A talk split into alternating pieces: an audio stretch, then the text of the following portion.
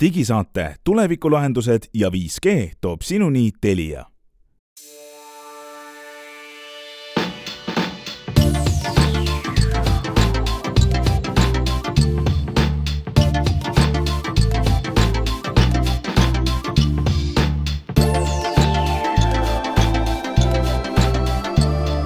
Tere, head kuulajad, käes on uue nimetud digisaate aeg ja me oleme teiega täna seitsmeteistkümnendal oktoobril aastal kaks tuhat kakskümmend kaks. meil on kolm nükki, mina olen Hans Laugas, Henrik Roonemaa minuga ja Glen Pilvre ka. ja me räägime täna Google'i uuest telefonist, mida Google oma üritusel näitas. Pixel seitse ja selle vanemast vennast, mis võiks olla lõpuks huvitav LG teleka omanikele Eestis on häid uudiseid, rõõm jagada ja Facebooki esimene tõsine samm sinna, et me lõpuks hakkaksime kasutama virtuaalreaalsust oma töös on nüüd nähtaval, mida teeb Elon Musk, äkki jõuame ka temast natuke rääkida. Ja siis, milline on parim soodne mobiilikaamera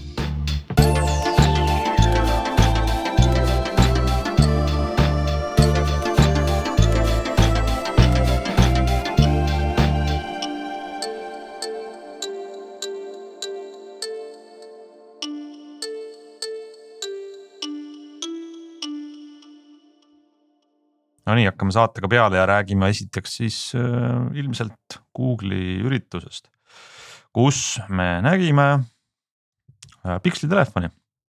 mis Pixli, Pixel seitse telefoni äh,, mõned detailid tegelikult ei olnud üldse üllatus, vaid need nii-öelda lekkisid või olid varem juba teada.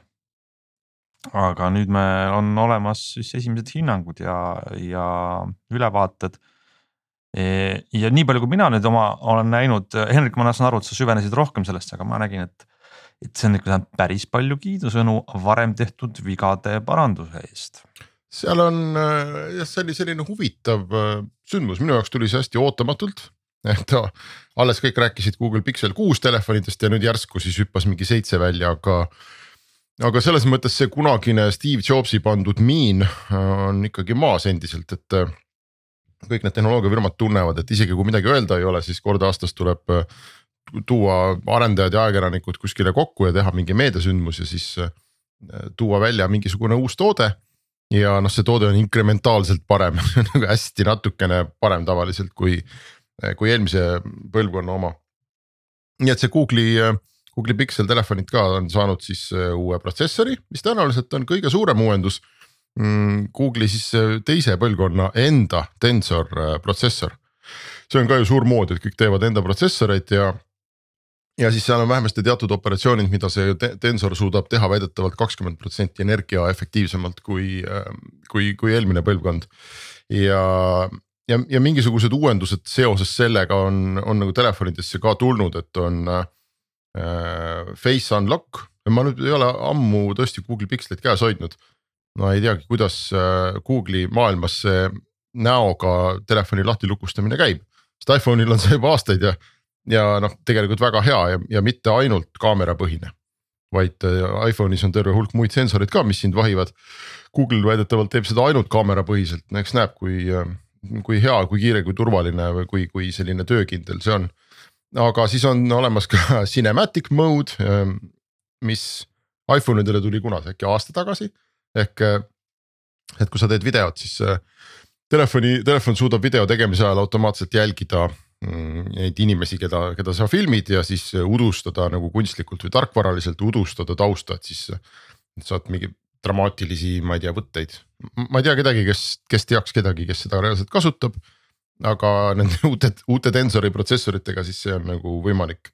ja, ja selfie kaamerad on vist natuke paremaks läinud ja, ja siis see tagumine mida nad nimetasid visiiriks või selline riba telefoni taga, üle telefoni tagakülje, kus need kaamerad peal asuvad uh. Mhm. -huh. see oli, eelmisel põlvkonnal oli klaasist, nüüd on metallist ja no ühesõnaga selline noh, tegelikult täiesti nagu pudi-padi, aga ähm, mis oli eelmise põlvkonna äh, nende Google Pixel kuute puhul oli, oli kaks suurt probleemi, on nüüd vist esialgu tundub äkki natuke isegi lahendatud. üks on see, et see telefon Google Pixel kuued olid väga pugised kogu aeg tarkvaraga oli mingi jama. Ehm, noh, praegu on muidugi väga vähe see telefon ju alles testijatel nagu käes olnud, aga pigem nad kiidavad. ja teine asi, mis oli probleem, oli aku eluiga. ja see on väidetavalt saanud nagu väga korraliku lahenduse, et akud peavad nüüd hästi. ja, ja eks seal on osa on, osa on seotud kindlasti selle uue Tensori protsessoriga, mis võib-olla kulutab vähem energiat ja teine osa on sellega, et neil on olnud ikkagi nüüd kõvasti aega oma tarkvara optimeerida ka. Ka, ka selle protsessori peale ja, ja muid protsesse, nii et noh, esialgu tundub neid ülevaateid lugedes, et, et vist on täitsa normaalne telefon, aga, aga Eesti oludes ma jääks ikkagi nagu selle juurde, et kui sul ei ole mingit hirmus head mm, põhjendust, miks seda osta. Neid, neid pikseli telefone ja nad on odavamad ju kui, kui näiteks ma ei tea, Samsungid, kui iPhone'id või kui Samsungid, eks mm. -hmm. Mm, aga, aga ma arvan, et neil on ikkagi äh, teatud hulk selliseid kasutuspiiranguid äh, võimalik leida Eesti oludes, kus äh, mis iganes operaator ei toeta mis iganes funktsiooni.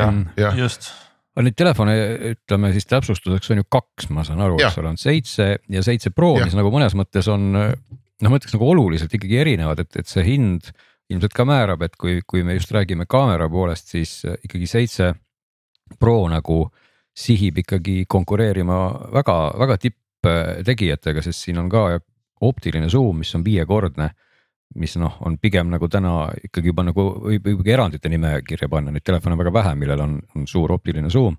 lisaks siis tavalisele ja ülilainurkaamerale mm. -hmm ja siin on ka ikkagi suurem aku oluliselt, et siin on viie tuhande milliampertunnine aku, mis noh. no ekraan on pigem, ka suurem.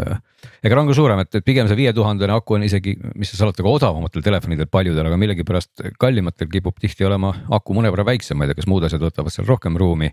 sellel väiksemal versioonil on aku on, on nelja tuhande kolmesaja kandis, et ikkagi mõnevõrra väiksem ja mis muidugi on endiselt väike, et noh, see on just äh, saate alguses ka välja reklaamitud odavate telefonidega seoses äh, vaatasin noh, siin hinnaklassilt telefone, eks ole, mis on seal kahe-kolmesaja euro kandis ja paljud neist hiinlased, et mitte öelda enamik on ju Hiinast tulnud.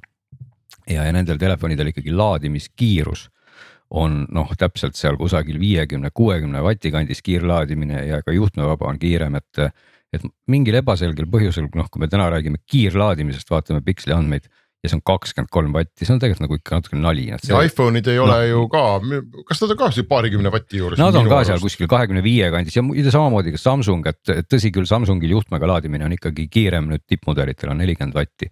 et, et noh, see oleks juba nagu okei okay,, et, et noh, kui me kasutame nagu terminit kiirlaadimine, siis sellist ei ole nagu kohane, et ma saan aru küll, et et aku on suur ja see on tore ja võib-olla ta peab hästi vastu, aga, aga noh, väga-väga ruttu teda laadida ei saa, et seda Prod kusjuures saab laadida kolmekümne vatiga, ma loen, et see on siis, see on siis mõnevõrra kiirem kui see tavaline, et ja noh, juhtmevaba ka, eks ole, nagu nagu öeldud, et siin parematel Hiina tippmudelitel on see ka üle viiekümne vati, tõsi, selleks on vaja eraldi laadijat, ma ei tea, paljud inimesed seda ostavad.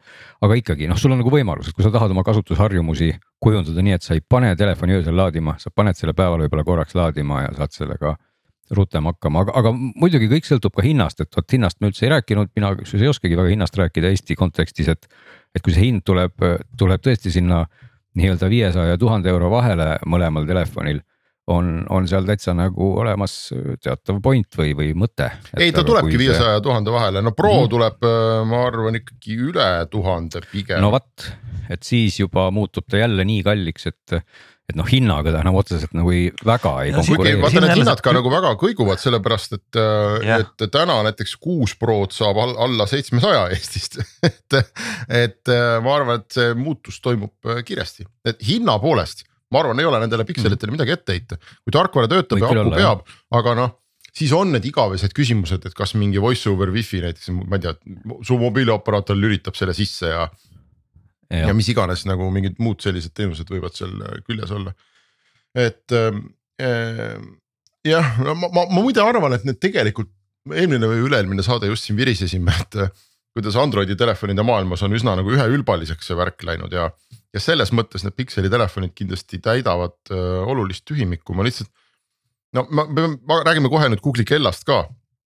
aga mul juba on tunne, et see on nii ebakindel firma, mis puudutab riistvara et nad, nad võivad põhimõtteliselt nelja kuu pärast otsustada, et tšah, me ei tee enam, kõik jah, aga no kuule, nad on ikkagi Pixel seeriat teinud väga järjekindlalt, hoolimata sellest, et ta on noh. ja kogu aeg on natuke halb olnud.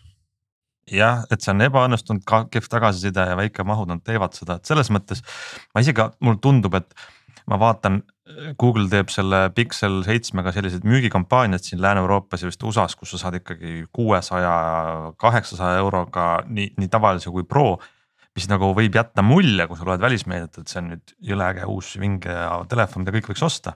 aga siin just nagu te just ütlesite, et, et seda Eesti koefitsienti tuleks mängu võtta, et, et sa võid lugeda lõpuks, et Pixel seitse on kõige ägedam uus telefon sel sügisel, aga aga Eestis äh, suur tärnike läheb sinna järgi, et tuleb arvestada kõiki neid piiranguid. sest mina pigem, ma arvan, jällegi ma ei ole seda telefoni käes hoidnud, aga ma arvan, et selle nagu lõpuks on nüüd päris äge asi valmis tehtud mm. -hmm. ja need müügimahud ka ikkagi kuida... kasvasid, ma ei, äh, su juttu kuulates mul tuli meelde, numbrid praegu peast ei ütle, aga aga eelmise aasta müügimahud, mitte Eestis, vaid üldse pikselite müügimahud äh, tegid väga korraliku kasvu aga lihtsalt see baas Aha. oli nii madal, et nad piltlikult öeldes tegid kasvu, eks ole, mingi kolme müüdud telefoni pealt kuue peale. ja noh, siis sa saad sada protsenti näidata. aga kellaga? kellaga on, kellaga on muide palju huvitavam lugu. et äh, tükk aega nüüd on oodatud seda Google Pixel Watchi ja, ja ma alustaks üldse sellest, et jube hea küsimus on, miks pagana pärast on seda nii-öelda oodatud või või lekitatud või turundatud või et miks pagana pärast peab olema olemas Pixel Watch, kui Google'il on ostetud terve firma selleks, mille nimi on Fitbit. see on Google'i oma. ja uh, mhm. -huh. ja, ja, ja nemad teevad, eks ole, nutikellasid ja mitte nagu äh, üldse halvasti, vaid teevad väga hästi ja, ja, ja mingil põhjusel on nüüd Google otsustanud ikkagi tuua välja oma Pixel Watchi, see on ümmargune nelikümmend üks millimeetrit ja, ja, ja, ja see tundub natuke nagu Pixli, ütleme natuke nagu Fitbiti kell, millele on Pixli logo peale pandud. ja, ja üht-teist veel või ta on selline nagu kummaline poolik variant nutikellast ehk ähm, äh, seal kõik need spordi ja need jälgimise teenused on tegelikult Fitbiti omad. ja justkui oleks nagu Fitbiti kood põhimõtteliselt tõstetud sinna kella üks-ühele ringi ja muuhulgas süngivad telefonis ka Fitbiti äppi. ja hmm. muuhulgas on ka Fitbiti maksumüüri taga, sest Fitbitil on nende heade andmete nägemiseks on äh, tasuline, sa pead iga kuu maksma selle eest. ja selle Pixel Watchiga täpselt samamoodi ja, ja ongi väga nagu segane olukord, et äh, mis asi see Pixel Watchis nagu ikkagi täpselt on. nii et äh, ja, ja, ja miks ta nagu olemas on, et see mina ei ole sellele küsimusele päris head nagu vastust saanud. ja kui me lisame veel juurde, et äh, aku on äh, nagu Google lavalt ise ütles, kuni kakskümmend neli tundi. tegelikult räägid, räägivad siin testijad, et heal juhul kaheksateist. Ehm, noh, kui sa.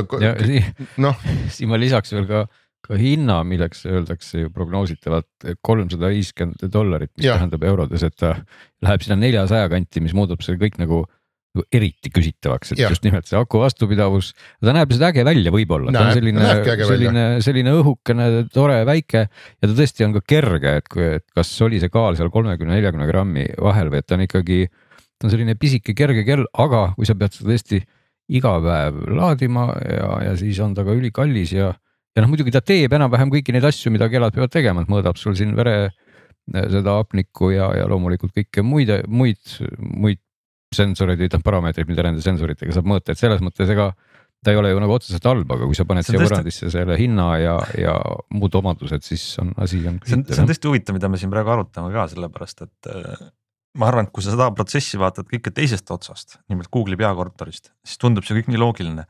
me peame selle kella tegema, me peame, kes, kellega nad konkureerivad, noh, Apple on omaette äh, ökosüsteem, aga Androidis Samsung võtab kogu aeg turuosa ja domineerib, on ju.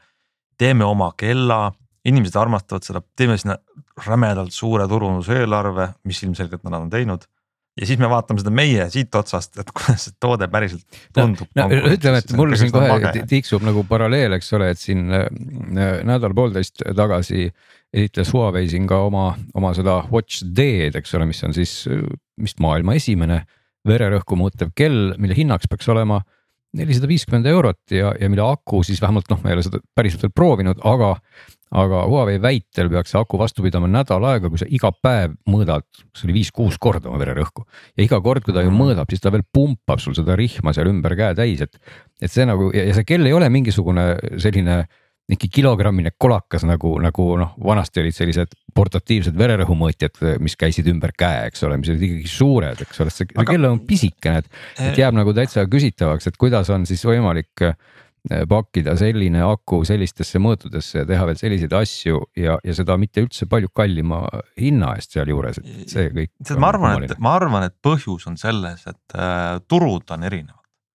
ja Põhja-Ameerika turul Huawei on olematu ja seal on nii-öelda, kui sa ei taha äh, Apple Watchi kanda, siis sul on Samsungi kellad ja siis Google leiab, et me võiks pakkuda, meil on nagu turuosa, mida võtta Samsungilt, et äh, ja Ei, no, Huawei on seal olematu. seda, seda võib-olla küll jah, et noh, samas ikkagi peab ütlema noh, võib-olla Apple'i kaitseks, et tõesti see, see sukeldumise ja nii-öelda valdkond ja, ja peale seda saadet tuli ka siin tagasisidet meile ja võib-olla mulle veel personaalselt, et ma kuidagi arvasin, et jube kallis on see Apple Watch, et Karminid on odavamad, siis tegelikult meenub mulle, et Karmin esitles siin hiljuti vist kahe ja poole tuhandest eurost mingit sukel- sukeldumiskella, nii et tegelikult Jah. see niipidi ei ole, et seal, seal on nagu konkurentsi küll, ma tahan selle jutuga võib-olla öeldagi seda, et et me ikkagi ootame siin selliste tehnikahuvilistena võib-olla ka mingisugust tehnilist sellist vau-faktorit asjadest, aga, aga aga nagu selles kellas tõesti jääb, jääb nagu väga suured küsimärgid õhku, et. või noh, või, või siis vähemalt äh, ootaks, eks ole, mingit sellist hästi loogilist äh, nagu jah, turule nagu paiknemist, et noh, voh, et vot sellist asja, jube hea mõte, et no täpselt kui, niimoodi kui oligi see vaja., kui see kell maksaks näiteks sada viiskümmend eurot või, või kakssada eurot, siis tal oleks ju hoopis teine, hoopis teine varjund oleks kogu Mhm. selle asjal. Aga, aga muide, siin on üks variant veel, mida see kell äh, tegelikult tähendab või mida ta sisse juhatab. võib vabalt olla, et ta juhatab sisse Fitbiti kui sellise, Fitbiti kui brändi nagu kadu üldse, et võib-olla kuskil Google'is on tekkinud mõte, et äh, noh, ühendame, eks, et, et ikkagi kõikide asjade nimi on Google ja unustame selle Fitbiti ära, mis oleks, ma arvan, rumal otsus. aga iial ei tea, Google on selline hästi harali tundu, et- ettevõte. äkki läheb teistpidi, kui sa ütled juba Fitbiti äpis käib seal kogu värk, et, et see piksel ähm, sulandub vaikselt. aga Pixel on uus, tehti nagu Fitbiti äpi sisse, eks, et mm. Nad oleks selle võinud ka vabalt tegemata jätta ja teha ümmarguse Fitbiti kella ja.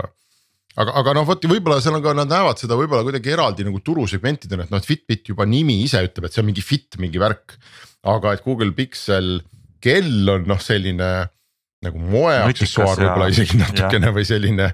noh, et sa ei pea higistama, kui sa seda kannad, mida ei pea samas ta Fitbiti kandes ikkagi ka., samas ta ikkagi, kui me ütlesime, et ta näeb küll välja nagu äge, aga, aga peaks ikkagi täpsustama, et ta näeb ikkagi välja väga selline spordikell, ta noh, ta, ta ei ole oma olemuselt kaugeltki mingisugune klassikaline või luksuslik või no mis iganes kõik need terminid võiks olla sellise ilusa traditsioonilise käekella kohta, et ta on lihtsalt selline minimalistlik ümmargune junn õhukene mm -hmm. plastrihmaga, et ega ta ei ole midagi midagi selles mõttes eksklusiivset, et jällegi ma jõuan selle hinnapunktini, et kui ta oleks palju odavam, oleks ta tegelikult täiesti okei okay. Ja, aga Selge. no las ta siis olla, et äh, seda noh, seal õnneks see opera-, mobiilioperaatorite sellist tuge väga vaja ei ole, et kui ta Eestisse jõuab, siis võib seda, keda huvitab, ju ta töötab normaalselt, no välja arvatud see aku, mis ikkagi ei pea nagu üldse vastu, et.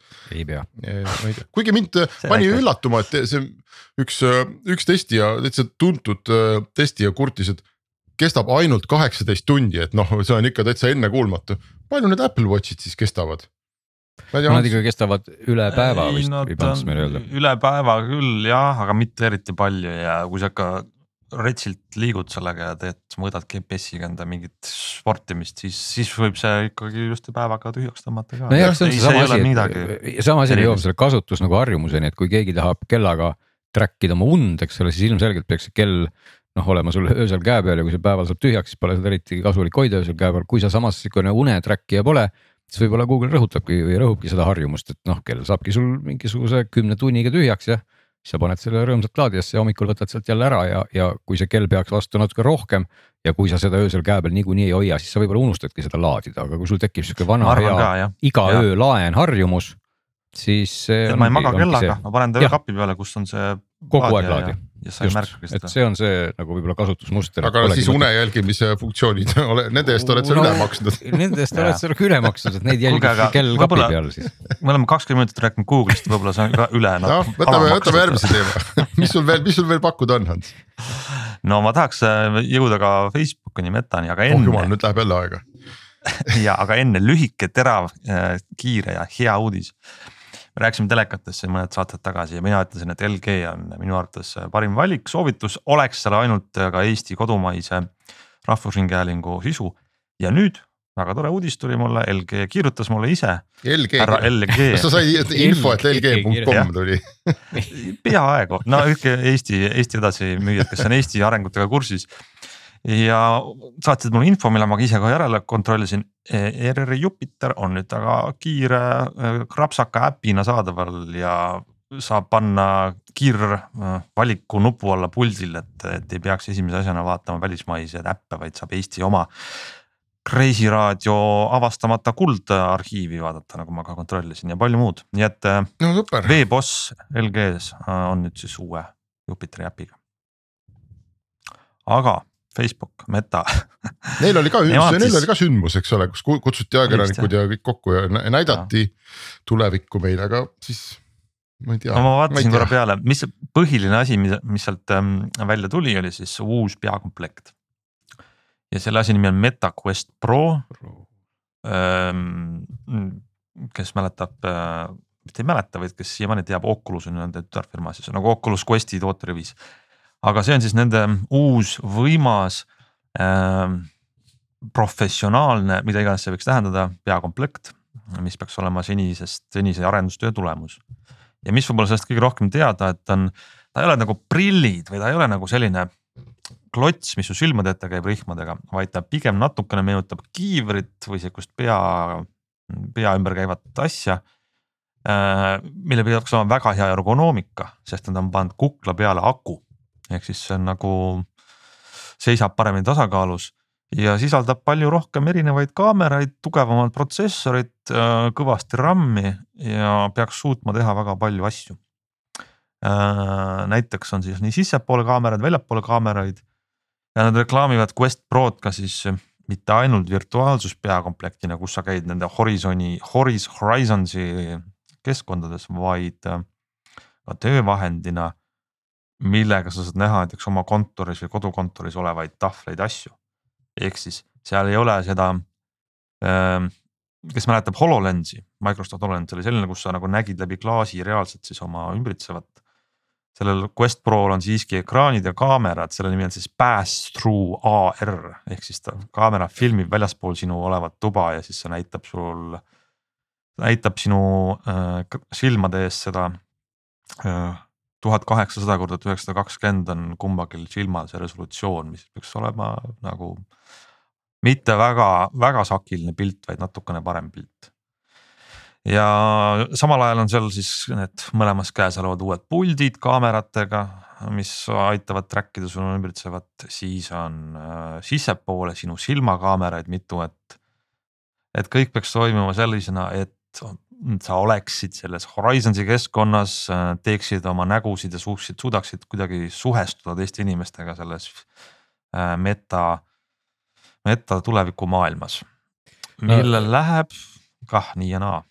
siin võib-olla peaks nagu taustaks ütlema äkki nii palju, et, et, et noh, inimesi on täpselt kahte sorti, ühed, kes on ostnud omale võib-olla juba siis Oculus Questi või Quest kahe, siis teised inimesed, keda see üldse ei huvita, aga, aga need inimesed, kes on, on Questi omanikud, on ilmselt ammu oodanud, et tuleks siis nii-öelda see Quest kolm või sellest on ju räägitud, Quest kaks tuli, kui ma ei eksi, kaks aastat tagasi või juba kolm, aeg läheb väga ruttu. igal väga ammu tuli, tuli Quest kaks, et see Questi ja Quest kahe vahe oli väike ja siis kogu aeg olid mingid kuulujutud, et nüüd tuleb järgmine, nüüd tuleb järgmine ja, ja noh, eelkõige oodati seda paremat ekraani resolutsiooni. aga mida kindlasti ei oodatud, umbes viis korda kõrgemat hinda. Et, et selge on see, et see Pro ei ole täna noh, mida on ka Meta ise öelnud, et see kuidagi ei ole nüüd järgmine Quest nagu, nagu, nagu oodati, et see tuleb järglane kahele. et see on ikkagi täiesti teiste spekkidega toode, mis on siis nagu öeldud, sihitud ka tavatarbijale, rõhksõnal ka yeah,. kui, kui HoloLens et... oli nagu põhimõtteliselt ainult korporatiivsesse yeah. segmenti suunatud, siis see justkui on ka, kui sul on palju raha, sest et Euroopa regiooni hind on nüüd tuhat kaheksasada eurot jah, ja tuhat viissada dollarit USA-s, see on kallis ja, ja ilmselt on see niimoodi, et nad tegid selle valmis, et vaadata, mis nagu käima läheb, et kui hästi ta mm, rahuldab neid vajadusi, et inimesed seda Horizon'i kasutama hakkaks. ja siis tuleb sellest välja soodsam versioon no jah, täna võibki küsida, et mis see, mis see jah, et mida siis sealt nuditud, eks ole, on, sest et ütleme selge on see. ilmselt võimsust, et seal on et, nagu pandud äh, uus äh, Snapdragoni protsessor kõvasti RAM-i, mille mm -hmm. üks muide miinus on selle asja aku iga oli nüüd um, ühe ja kahe tunni vahel kestab. no jah. mis on mõnes ja, mõttes ja. nagu väga halb, teises mõttes noh, kaua sa siis tahad seal olla selles virtuaalreaalsuses, et. jah, no lihtsalt ütleme, et see aspekt, mida ma siin tahaks võib-olla kuidagi rõhutada, mis on suhteliselt ebamäärane et äh, olles ka ise ostnud kunagi Questi, eks ole, ja seda kuidagi vahelduva eduga pühkinud sealt pealt tolmu ära. see viimati oli vist nüüd umbes aasta tagasi. ehk et uh mhm. -huh. ma tahan nagu öelda seda, et, et kui sa kuidagi ei ole selline noh, kui sa tõesti ei kuku nagu sinna virtuaalreaalsuses prillimaailma nii sisse, et sa oled seal kaelani ja, ja jäädki sinna ja see meeldib sulle. siis tegelikult kipub see ikka nii olema, minu arust Henrik on ka seda nagu öelnud, et, et see on nagu sihuke asi, et ta on nagu äge, ta on võib-olla kuu aega äge, kaks kuud äge aga mingil ajal sa kuidagi, sa kuidagi millegipärast unustad ta ära. ja, ja kui sa ta jälle avastad, ta tundub ka jälle korraks nagu äge, aga, aga see, see ei ole nagu asi, mis, mis täna oleks selline noh, nagu harjumuslik, olgu see nagu mobiiltelefon või muu asi. aga kui mingi toode maksab tuhat kaheksasada eurot, no siis ta ka kindlasti ei saa selleks, et minu arust nende eelmiste quest'ide nagu üleüldse edu võti, miks nad ka üldse nii edukad on, nagu nad on olnud, on olnud tegelikult see ikkagi väga hea hind, et noh, paljude jaoks see paar-kolmsada dollarit, millega nad olid ju müügil yeah,, oligi see nagu, nagu ka mina personaalselt minu puhul ka, kui ta oleks maksnud tuhat eurot, ma ei oleks liialgi ostnud, aga, aga selle hinna eest ma mõtlesin, aga ma proovin, ma, see on, see on natukene, see ei ole päris odav, aga see on ikkagi see raha, et ma selle ostsin ja ma arvan, et väga paljud inimesed maailmas tänu sellele ongi seda ostnud ja, ja üldse kogu see, see nii-öelda inerts sinna taha on ju tekkinud, sest noh, kui me vaatame HoloLensi siis noh, see on, see on ju nii marginaalne, see on ju täiesti nagu peaaegu nagu mingi prototüüptoode, et võib-olla kuskil tehases seal pannakse kokku mingeid virtuaalseid äh, pinke seal nende nii-öelda prillide abil, aga, aga tegelikult tavatarbija jaoks ta on nüüd täiesti teoreetiline, et, et Quest on ikkagi no, suutnud tavatarbija jaoks ja. ka päris asjaks muutuda. ei, sul on selles mõttes Iva, aga see seal metal on see muna-kana probleem, ehitavad seda oma keskkonda. selleks, et keskkonda kasutada, peab sul olema mingisugune peakomplekt kas see on need silma poole suunatud kaamerad, mis sinu kulmutõsted ja näomiimika toob sinna Horizonsisse, kas see on see ähm, kana, mis muneb selle muna mis toob sinna tuhandeid vaatajaid või mitte, nad no. testivad seda ja kui see on niimoodi, siis nad teevad sellest odava versiooni, lasevad massidesse, et kui see hinna taha jääb, sest praegu tuli ka välja, et see Horizons äh,, päris huvitavad numbrid firma pani siis äh, eesmärgiks selle aasta, et saada iga kuu viissada tuhat äh, aktiivset kasutajat, kes korra logib sisse sinna. nüüd nad selle eesmärgi lasknud poole võrra väiksemaks, sest et praegu käib seal kakssada tuhat igakuiset kasutajat, mis on isegi väga suur number, ma ütleks, kakssada tuhat inimest on käinud korra kuus. aga no, ma ei tea, palju nendest on, on Facebooki või siis selle meta enda töötajad, kus oli ka, kas see oli eelmisel nädalal või kus lekkis Facebooki üks sisene memo, kus need inimesed, kes arendavad seda, mis selle keskkonna nimi on? Horizon, Horizon, eks. et kurtsid, kirjutasid kolleegidele, et kuulge, et me siin hullult arendame seda, aga keegi ei käi seal nagu isegi, et isegi oma firma ja. töötajad ei käi, et äkki peaks kohustuslikuks tegema umbes, et. et te ikkagi peate meie selles metaversumi või mis iganes universumist nagu käima ja no,. vähemalt kord nagu nädalas üks koosolek just, et, et kui sa ehitad midagi nagu väga suure raha eest ja ehitad ja ehitad ja ehitad ja mitte kuskilt ei ole näha, et see isegi nagu sinu enda kolleege huvitaks. või no samamoodi oli äh, Twitteris levis laialt ju äh, Walmarti äh, turundusjuhi esinemine mingis Walmart land'is, mis on Walmarti mingi metaversumi moodi asi vist. kus äh, oli hästi kehva graafikaga mingisugused, tema oli üks kujukene ja siis lava ees, suure tühja lava ees põrandal seisis üks kujukene. ja vaatas siis Walmarti turundusjuhi esinemist sellest, kui tore on Walmart land. ja, ja mida kõike seal teha saab ja kuidas sa saad oma, oma tegelasele panna umbes Walmartist äh, osta või panna, ma ei tea, mingeid ägedaid riideid selga. ja see tegelane näeb välja noh, üheksakümnendate aastate alguse nagu arvutigraafika tasemel ja et see, see, ma, ma saan aru, et nagu täna käib kibekiire ehitamine aga äh, aga siin on nagu võimalik äh, tõmmata ajaloolisi paralleele kahe suure tehnoloogilise läbimurdega. ja kui me võtame sellest suurema ehk interneti, siis interneti algusaegadel oli ikkagi nagu täiesti selge, et, et tehniline nagu piiratus oli see, mis takistas, aga inimesed õudselt tahtsid. Noh, inimesed olid nõus kasvõi läbi muda roomama, et saaks natukene internetti, sest noh, kõigil oli selge, et see on lihtsalt nii äge asi ja, ja noh, midagi sellist me kindlasti praegu metaversumiga ei näe, eks, et kuskil on nagu maailma täis inimesi, kes tohutult, tohutult tahaks ainult sinna metaversumisse saada. Aga noh, vot Quest on kallis ja mis iganes häda on, eks ole, et käiks õhtuti, ma ei tea, sõbra juures poole ööni istumas ja vaatamas seda ägedat metaversi, et mm -hmm. seda kindlasti ei ole. aga, aga teine paralleel ma tõmbaks sellesama nutitelefoniga, kus noh, te ju ka mõlemad mäletate, kui iPhone tuli kaks tuhat seitse, oli seitse Mm -hmm. siis mhm. aastaid juba enne seda nutitelefoni laadsed ollused olid ju olemas, eks olid Nokia oli kommunikaator ja Sony Ericsson üritas teha ja need olid nagu hirmus kehvad. ja, ja, ja ka väga kallid, aga teistpidi ka mina küll ei mäleta tol ajal, et, et suur hulk minu tuttavaid oleks õudselt nagu käinud ringi ja sügelenud ja kibelenud, et noh, saaks ainult nutitelefoni korra proovida, et see on nii äge ei olnud midagi sellist, mingitel ärimeestel olid need kommunikaatorid ja, ja see olukord muutus sellise hitt-tootega, eks, mille nimi oli iPhone ja no tegelikult see muutumine võttis veel ka mitu aastat aega. see revolutsioon oli nagu teistsugune ja noh, täna me võime kindlasti öelda, et, et see metaversumi revolutsioon ei ole alanud niimoodi nagu interneti revolutsioon, kus inimesed õudselt tahavad miljonite kaupa. aga, aga me ei saa täna öelda, et ta või me võib juhtuda, tähendab, et ta on alanud nagu iPhone'i revolutsioon ehk mingeid üsna halbu asju tehakse ehm, aga et keegi ei ole täna veel pihta saanud, eks ole, nii-öelda iPhone'i moodi sellele, et, et mis paneks siis terve maailma õhkama, et oh jess, et ma, ma tahaks seda metaversumit. see võib-olla veel tuleb, aga, aga võib-olla ei tule ka. no jah, no samas on kaks asja, mida võib-olla veel tooks välja, et üks on jah see, et, et meta proovib nagu noh, kõik selle Horizons'iga seda nagu luua nagu keskkonda, mis, mis kuidagi oleks ka noh, kuidas ma ütleks, sotsialiseerub või nagu ühendada või kõik sellist nii-öelda virtuaalselt olemasolu, aga hoopis teine pool, mida ka üldse ei saa alahinnata, on ikkagi meelelahutus ja mängud. et, et mulle personaalselt tunduvad need nii-öelda virtuaalreaalsusmängud a la, et ma olen kusagil, ma lendan lennukiga päriselt või ma, ma ei tea, kolan kuskil ringi päriselt. Need nagu palju ägedam tõmbenumber kui see, et ma nüüd mõtlen, et noh, et ma panen prillid ette ja nüüd transformeerun siis mingile koosolekule, et et see, see, see on nagu noh, need on nagu kaks väga erinevat suunda, et võib-olla keegi tahabki olla, käia virtuaalselt kuskil Eiffeli tornis ja see on ka tegelikult äge. aga, aga teine segment on puhtalt see meelelahutus ja mängud, mis on, mis on tegelikult väga kihvt, et isegi eelmiste quest idega.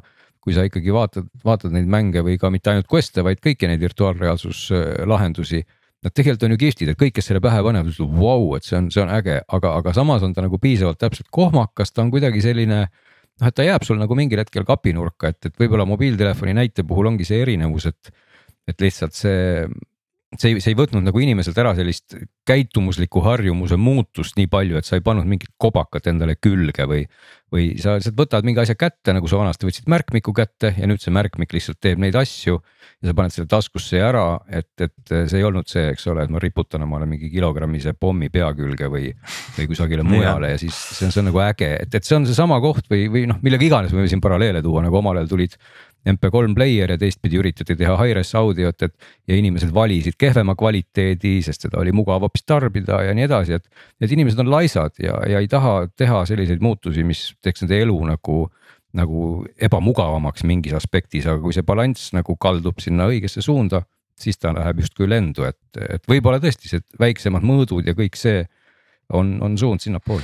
aga siin on üks probleem, Glen, äh, selles mõttes, nende mängudega, ma olen sinuga täiesti nõus, olles ka ise juba aastaid tagasi esimese selle Questi peakomplektiga mänginud kihvte mänge. aga äh, mängu, ütleme näiteks mängukonsoolide äh, koguarv maailmas on äh,, ma peast pakuks kakskümmend korda väiksem. ühesõnaga selline noh, suurusjärgu võrra väiksem kui näiteks äh, nutitelefonide hulk või, või Facebooki kasutajate hulk, et, et kui see mänguasi peaks lendu minema, et kui, kui selgubki, et see VR on nagu mängu mõttes nagu väga hea mm, -hmm. siis need müügitulemused ülitõenäoliselt jäävad nii tagasihoidlikuks. et me räägime, ütleme kõigist mängukonsoolidest ehk et Playstation, Xbox ja Nintendo mm. -hmm. Neid on kuskil sada, sadades miljonites nutitelefone on, on miljardites ja Facebooki kasutajaid on, loetakse vist paari miljardi juurde. et, äh, et lihtsalt see, see skaala on nii väike, et, et siis ikkagi Facebook peab nagu ja kõik need, kes arendavad seda, eks peavad tunnistama, et, et nad kukkusid läbi. see on no see jah, probleem see on, see on muidugi õige jah, aga samas võib-olla konkureerib see selline peakomplekt, mis on väga äge, siis pigem juba selle konsooliga, eks ole, et, et see on see koht, kus ma mõtlen, et kas. No just ongi, aga neid- neid ongi vähe, jah. aga, aga neid on ikkagi selles mõttes vähem, noh teisalt saab ka mobiiltelefoniga mängida, aga sellegipoolest näed, noh, me mängime veel muude asjadega ka, mis siis on, annavad paremat kogemust, aga ei muidugi, see on õige aspekt. ma arvan, et paneme ta praegu toimikusse pealkirjaga vaatame veel või midagi sellist, et maha lõplikku kanda on otsust vara, ei tee jah, ja minu indikatsioon Äh. on ikkagi see, et kui ma näen, kui ma kuskiltki näen, et inimesed, ma ei tea, internetis, tänaval, minu ümber, poes, televisioonis, et, et, et need, Mhm. need hakkab nagu tekkima selline soov sellest maailmast kuidagi osa saada. aga ma, kas ma liigun vales kohas või ma, ma ei tea, mis, milles asi on, aga ma seda absoluutselt, absoluutselt praegu mitte kuskil ei näe. ja seetõttu ma ei julge küll kalduda ütlema, et, et see on, kõik on mega edukas projekt. Nojah, ja, ja, ja võimegi jääda siin heietama, eks selle sellise virtuaalse suhtlemise puhul ka on nagu natukene see, kas see on nüüd siis probleem, aga inimesed tahaksid nagu teada täpselt, mida nad parajasti teevad, et kas nad nüüd lähevad välja, saavad kokku või nad on kodus pidžaamas, et kui äkki muutub nii, et sa saad pidžaamas olles hüpata justkui kokkusaamisele, see tegelikult ei tundu paljudele üldse väga mugav, et. et siis sa kuidagi noh, see on nagu lisa, hoopis nagu lisastress, et sa ei, sa ei, sa ei võib-olla ei plaani täna külla minna, nii-öelda ennast üles lüüa. võtta mingit kooki ja pudelit kaasa ja minna juttu rääkima ja, ja nüüd äkki keegi hüppab sulle sinna virtuaalreaalsusse, sa justkui pead seda tegema, et see on seesama põhjus, miks miks võib-olla teistpidi on täna probleemiks, et noored ei taha enam telefoniga rääkida, et kõik ainult sõnumeerivad. mis on ju risti vastupidine sellisele virtuaalsele presence'ile või kohalolule. ehk et, et tegelikult nagu ühtepidi tahetakse suhelda, aga teistpidi hoida mingit kummalist nagu distantsi, et ma suhtlen siis, kui ma tahan, ma vastan sõnumile siis, kui ma tahan, kui keegi helistab mm, -hmm. ma ei julge üldse vastu võtta, ma, ma panen hääletu peale. jumal küll, kui sa julged telefoniga rääkida, miks ometi peaks sa tahtma hüpata siis kogu karvadega sinna virtuaalmaailma, kus kõik detailid näha on no see, ega ei No. no. vaat sinul ei olegi, sul ongi oma tegelane seal, jah. no tal jah, ei ole tõsi küll, vistrike ja tal on musklid. hetkel pole, avataril pole ka jalgu, aga muide, Zuckerberg näitas selles, selles esitluses, et jalad on ka tulemas. Ja aga see, aga siis hiljem selgus, need olid võltsjalad, need olid kuidagi turundusosakonna poolt sinna liidetud jalad, et need. ehk et see on ikkagi seesama koht, eks ole, et tööstused ja kõik noh, kes on ka teada, teada, teadupärast ikkagi veel inimesed, mitte seal taga ei ole päris robotid. loomulikult üritavad ju leida seda konksu, et mis võiks nüüd olla see koht, kus, kus läheks, mis tõmbaks sellele hoo sisse, aga ega seda ei on, on nagu näha jah, seda on raske leida, et mis seda hoogu tõmbaks, et ühtepidi ongi meil täna, eks ole jah, tekstisõnumid hoopis ruulivad ja teistpidi tahetakse hirmsasti, et, et me hakkaks mingite avataridega ringi jooksma virtuaalmaailmas, mis on nagu mulle tunduvad kohati täitsa nagu välistavad tegevused.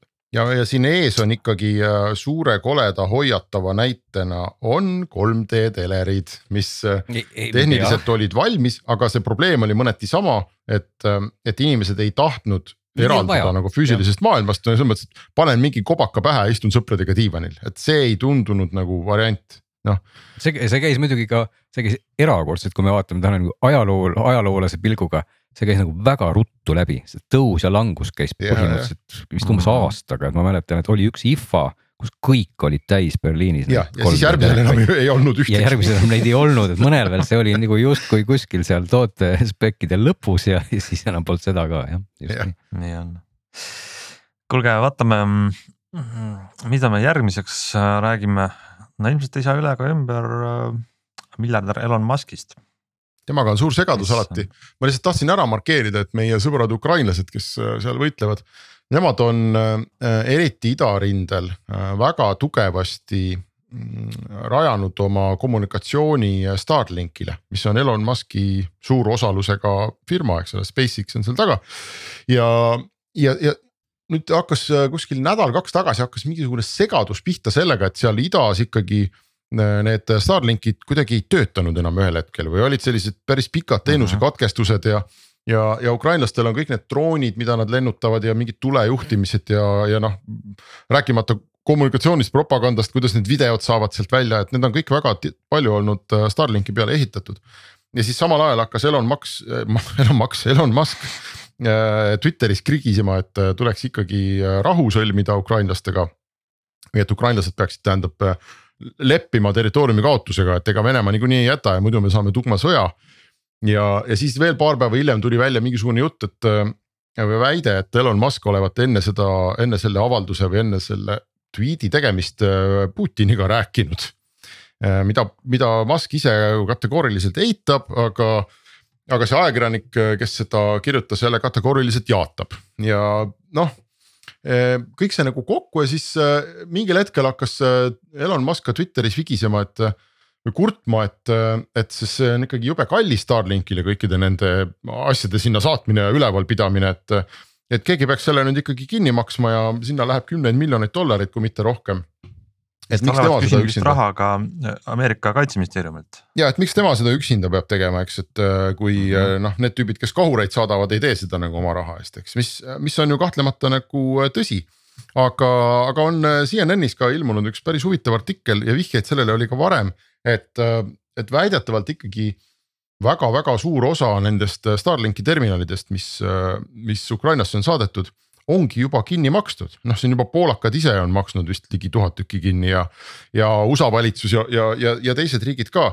et asi ei ole kaugeltki selline nagu, nagu Elon Musk väidab ja kui neid, kui see terminalide hulk korrutada sellise kuuekümne dollarilise kuumaksuga, noh siis neid äh, kümneid või sadu miljoneid, mida Musk nagu tahaks saada, et seda mitte kuidagi nagu ei paista sealt äh, tulevat.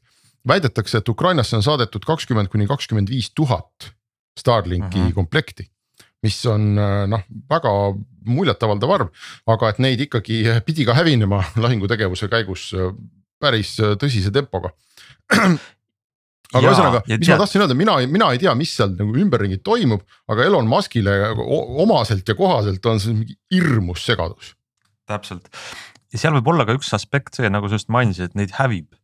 tavalise koduse kasutuse käigus ilmselt see satelliit ei purune, aga kui sa oled rindejoonel, siis võib juhtuda, et see läheb katki ja, ja vist see pidi olema üks nii-öelda põhjus selle taustal, see vigina põhjus et terminali, kui sa ostad välja, olgu ta siis äh, paarisaja või, või kaheksasaja euro või dollari eest, siis see ei ole terminali omahind, vaid äh, sellega siis ettevõte eeldab, et see terminal on kasutuses X hulk aastaid ja selle kuutasuga mm, teenib selle hinnatasa mm. -hmm. ja nüüd need lastakse selle õhku ja sellega tekib nii-öelda raamatupidamislik kahjum, et äh, saamata jäänud tulu. ja Musk on väga nii-öelda noh, iga kasutab kõiki häguseid trikke, nagu ta oskab, et tekitada segadust ja samas Äh, vaadates Twitteris ringi, siis on neid vabatahtlikke organisatsioonid Ukrainas, kes ütlevad, et, et mida te räägite, et me maksame ise selle kuutasu eest, postitavad, ma ise vaatasin, postitavad oma pangakonto väljavõtteid, kus nad iga kuu maksavad siis kümnete terminalidest selle kuutasu äh, Starlinkile. mida ei maksa kinni mitte keegi teine, vaid nad oma ise annetuste kogumisega.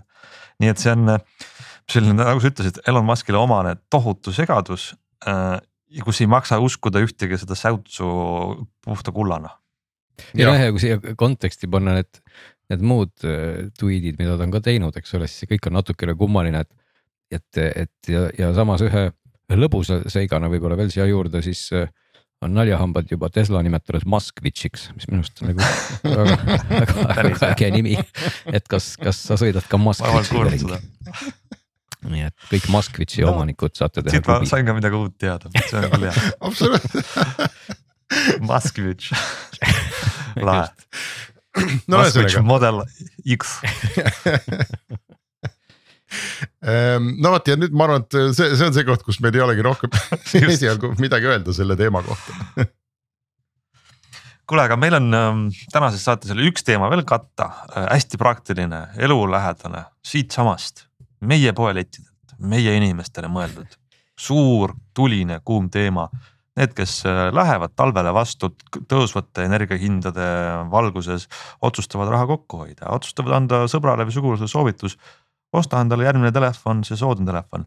milline neist teeb kõige paremat pilti, Glen Pilvel on vastus, ta on kõik soodsad telefonid läbi vaadanud, kontrollinud ja teab, Glen ja ilma ikka ütle, ütle see üks mudel nüüd kohe ära ei, praegu, Hansule vastuseks.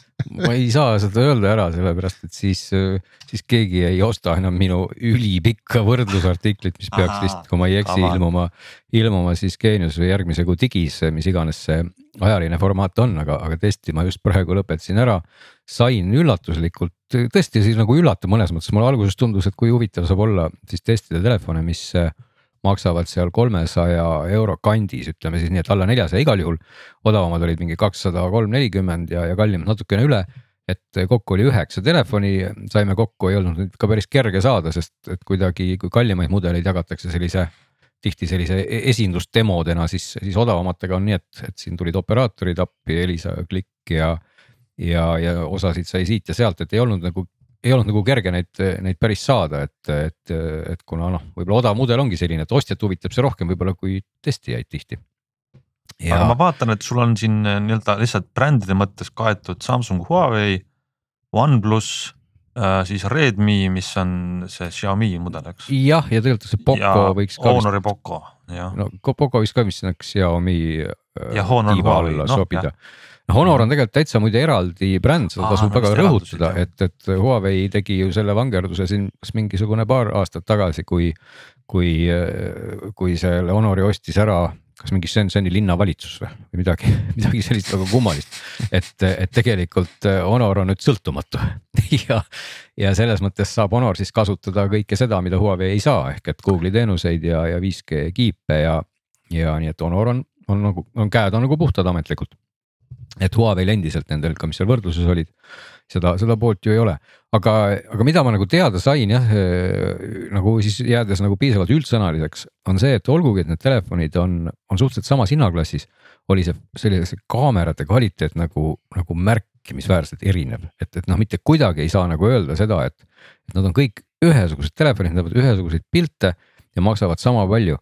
et, et selgelt nagu eristus, ütleme kolm, kui ma ei eksi, oli see kolm jah, telefoni mis, mis hindamiskategooriates, et sai tehtud, ma tegin sellise, sellise ütleme üsna, üsna mitmest kategooriast ligi kakskümmend sellist nagu, nagu asja, mida siis hinnatud kõikide telefonidega, pildid, siis võrdlen neid pilte, paned nad nagu pingeritta ja annad siis parimale siis üheksa punkti ja vähem saab ühe. ja siis niimoodi summeerus selline suurepärane teaduslik edetabel. ja kolm telefoni sellest valikust said noh, põhimõtteliselt võrdselt palju punkte. tähendab selles mõttes nagu, nagu no sisuliselt nagu, nagu esikolmik oli täiesti nagu võrdne. ja, ja selles noh, ma ei tea esikolmik no,. ma ikkagi tahaks, et sa natukene nagu reedaksid. no esikolmikuks ma võin, võin nagu siis nimetada, et sinna, sinna kolme parema telefoni hulka. oota, las ma arvan. nii. nii, üks neist kolmest oli Samsungi üks mudel sul on õigus jah, sa võid isegi pakkuda kumb, sest seda ei ole väga raske pakkuda, sest seal on üks Samsung on seal... tegelikult odav selline seeria, mis on siis M-seeria Samsungil ja A on siis Samsungil see natukene kõbusam seeria. küllap siis A kolmkümmend kolm jah? jah mm. -hmm. ma pakun seal esikolmikus teine oli OnePlus Nord. no kas ta oli teine, aga ta oli seal jah esikolmikus, jess, nii kolmest kaks on sees, OnePlus Nord ja kolmas, mis sul esikolmikusse võis saada äh,. Redmi ei, Honor ei, Poco või Huawei mm,. Huawei. no vaba, Huawei jah. seal on kaks Huawei'd, palun täpsusta. no ahah, ahah, kaks Novat muide ka, üks on Nova üheksa, teine on Y üheksakümmend, kui ma ei eksi, see Y on see soodsam variant. on nii või? ehk ja, siis no, sisse sai Nova üheksa siis sai Nova üheksa, tegelikult Nova üheksa on, on ainus no, telefon, mis sa oled, sa oled väga-väga kursis tehnikaga, nii et äh, kümme punkti sulle või üheksa. Ah, et, et Nova üheksa on, on tegelikult eelmise aasta mudel, et kui kõik need muud telefonid ülejäänud olid tegelikult selle aasta sellised soodustelefonid, siis. siis Nova üheksa on nagu hea näide sellest, et kui ta aasta tagasi tuli müügile maksis ta, kas oli ka viissada eurot või ta oli ikkagi üsna kallis ja me virisesime siin just selle üle, et, et seal võrreldav Samsungi A-seeria maksis nagu ligi sada eurot vähem ja kuna, kuna Huawei'l ei olnud seal neid Google'it ja kõike, siis kuidagi tundus, et noh, et. et millega nad üldse konkureerivad ja, ja see oli väga õigustatud küsimus, kui see telefon oleks maksnud juba aasta tagasi kolmsada eurot oleks see skaala olnud hoopis teine. ja, ja täna ongi nagu see Nova üheksa tõestab nagu väga hästi, et vaata, kui sa ostad aasta vanuse noh, mingi telefoni, mis iseenesest on väga hea ja see on muutunud ligi poole odavamaks, siis ta ei ole läinud kindlasti poole kehvemaks, et see on nagu väga hea tõestus, et, et noh, hea mudel, mingisugusest minevikust on ka väga hea mudel tegelikult täna nagu isegi kaamerate osas tundub. siis seal ütleme järgmise sellise, ma ei mäleta, kas see oli nüüd üks või kaks telefoni, oli seal mingi paarikümne punkti kaugusel ja siis tuli riburada pidi järgi põhimõtteliselt ülejäänud, ülejäänud viisik või, või nelik või viisik ikka jah. et, et tuleb tunnistada, et näiteks seesama Redmi ja mõlemad Xiaomi'd, mille kohta ma nagu arvustustes olen kuidagi lugenud, et nad ei ole nagu väga halbad, aga nad tegid mõnikord nagu talumatult koledaid pilte, aga, aga mõnikord nagu ei teinud ja, ja samamoodi võib öelda ka nende Honorite kohta, et. et oli nagu olukordi, kus nad said hakkama noh, täitsa nagu okeilt, aga, aga näiteks sellised mingid keerulised valgusolud või noh, päike paistab kuskil ja siis on vari ja, ja mingi maja on seal valguse käes või, või inimene ja. ja siis kohati oli see tulemus ikkagi ausalt öeldes nagu noh, nagu, nagu üllatavalt kole. ja loomulikult mm -hmm. noh, osadel telefonidel oligi vist Poco ja Redmi kaamera moodul on füüsiliselt sama, et nad kasutavad tegelikult sama, sama sensorit, sama komplekti ja, ja, ja pildi kvaliteet oli, oli ka kohati tegelikult identne, aga, aga mitte üldse alati, et ikkagi mingisugune tarkvaraline erinevus on.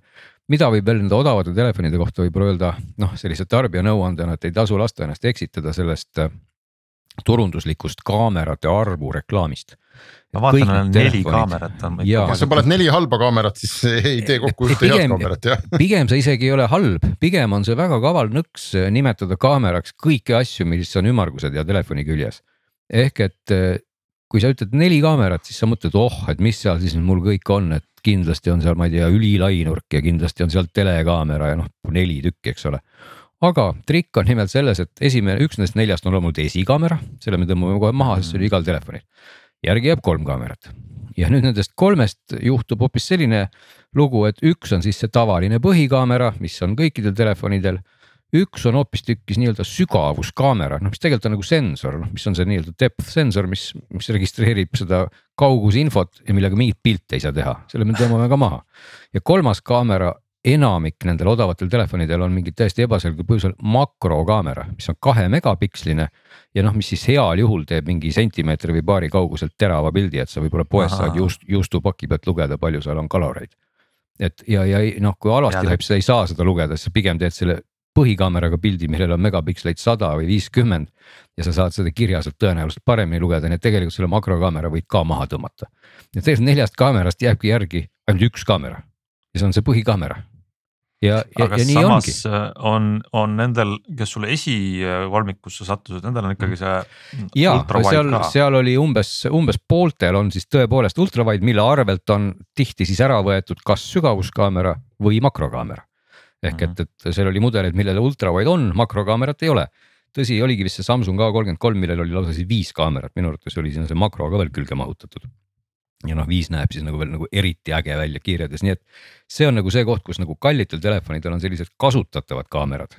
aga, aga millegipärast odavatele armastatakse siis lugeda kaamerate alla seda sügavust ja, ja ma ei tea, miks nad siis sinna külge panevad makro, et kas see kahe megapiksline sensor on ilmselt väga odav ja kõik on, on nagu lihtne panna ja no saab numbrites öelda.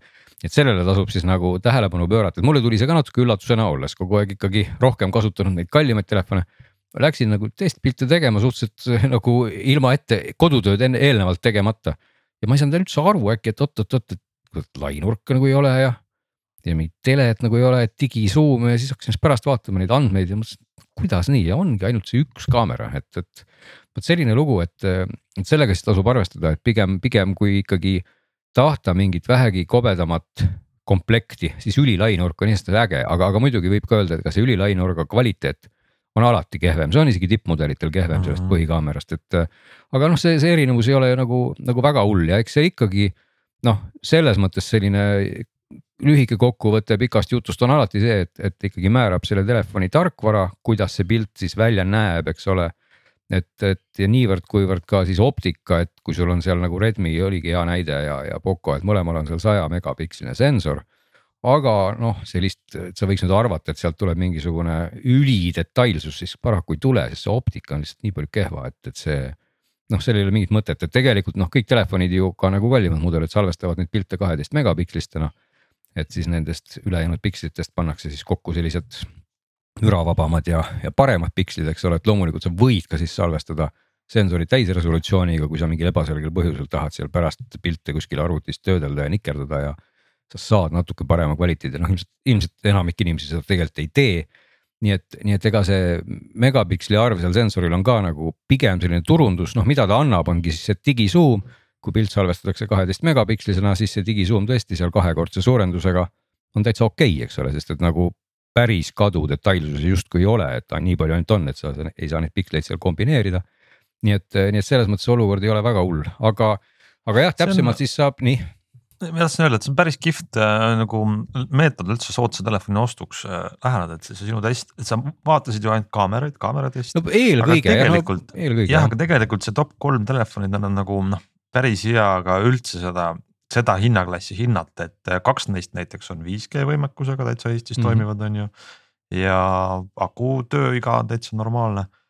ehk noh, see kaamera asi viitab ka sellele, et nad üldse võiks, kui ma saan aru, et ma praegu ei ole seda vaadanud, aga, aga see võiks nad üldse oma klassis olla ühed kõige tugevamad mudelid. nojah, ega, ega muidugi, mis ongi nagu kummaline ja naljakas, et, et need odavamad telefonid tihti olles siis kas suuremad või nagu ma ütlesin, neil on enamasti seal paljudel mudelitel, mis ei maksa üldse palju, on viie tuhande milliampertunnine aku mm. -hmm. Hiina telefonid, milleks ongi enamus muidugi välja arvatud Samsungid on kõik väga kiire laadimisvõimekusega, et, et seal oli mudeleid, millel ka juhtmevaba laadimine oli ülikiire, rääkimata siis juhtmega laadimisest, et. et siis samuti oli seal nii mõnelgi mudelil päris kõrvaklapi auk. peast ei ütle, millistel, aga, aga see on ka see koht, et näed, mm. kallimatele me seda ei pane, aga odavamatel see on ja, ja loomulikult oli siis ka osadel Oled ekraan, mis on ikkagi natukene võib-olla ilusam kui vedelkristall ekraan nii et, äh, nii et seal on aspekte, mida vaadata, noh, veekindlus ka võib-olla või ilmastikukindlus, et, äh, et enamik selle, selle klassi telefonidel seda ei ole. aga olid mõned mudelid või vähemalt paar tükki, millel see on ja kui ma ei eksi, üks oli Samsung, kes oli siis täiesti kas IP kuus kaheksa või, või kuus seitse, et igal juhul nagu täiesti veekindel sealjuures, eks ole. nii et need mhm. erinevused iseenesest on, on päris suured, vaatamata, et telefonide hinna erinevused noh, ei ole kohati üldse suured ja kohati on nagu lausa vastupidi, et kohati vaatad, et mingi telefon on hoopis kallim. aga ta teeb kas siis, ma ei tea, kehvemaid pilte või, või, või tal on midagi muud puudu, eks ole, et selles mõttes oli, on nagu huvitav jah, tõesti selles, selles segmendis ka natukene ringi möllata. no äge, noh, igatahes, kes siis on äh, sinna äh, segmenti rohkem sügavuti minemas, siis tasub Glenni kirjatööga tutvuda, ma saan järgmises numbris, nii et igatahes äh, kasulik info. aga mulle tundub, et seitsmeteistkümnenda oktoobri saade on selline, nagu te just kuulsite, edasi ta ei lähe.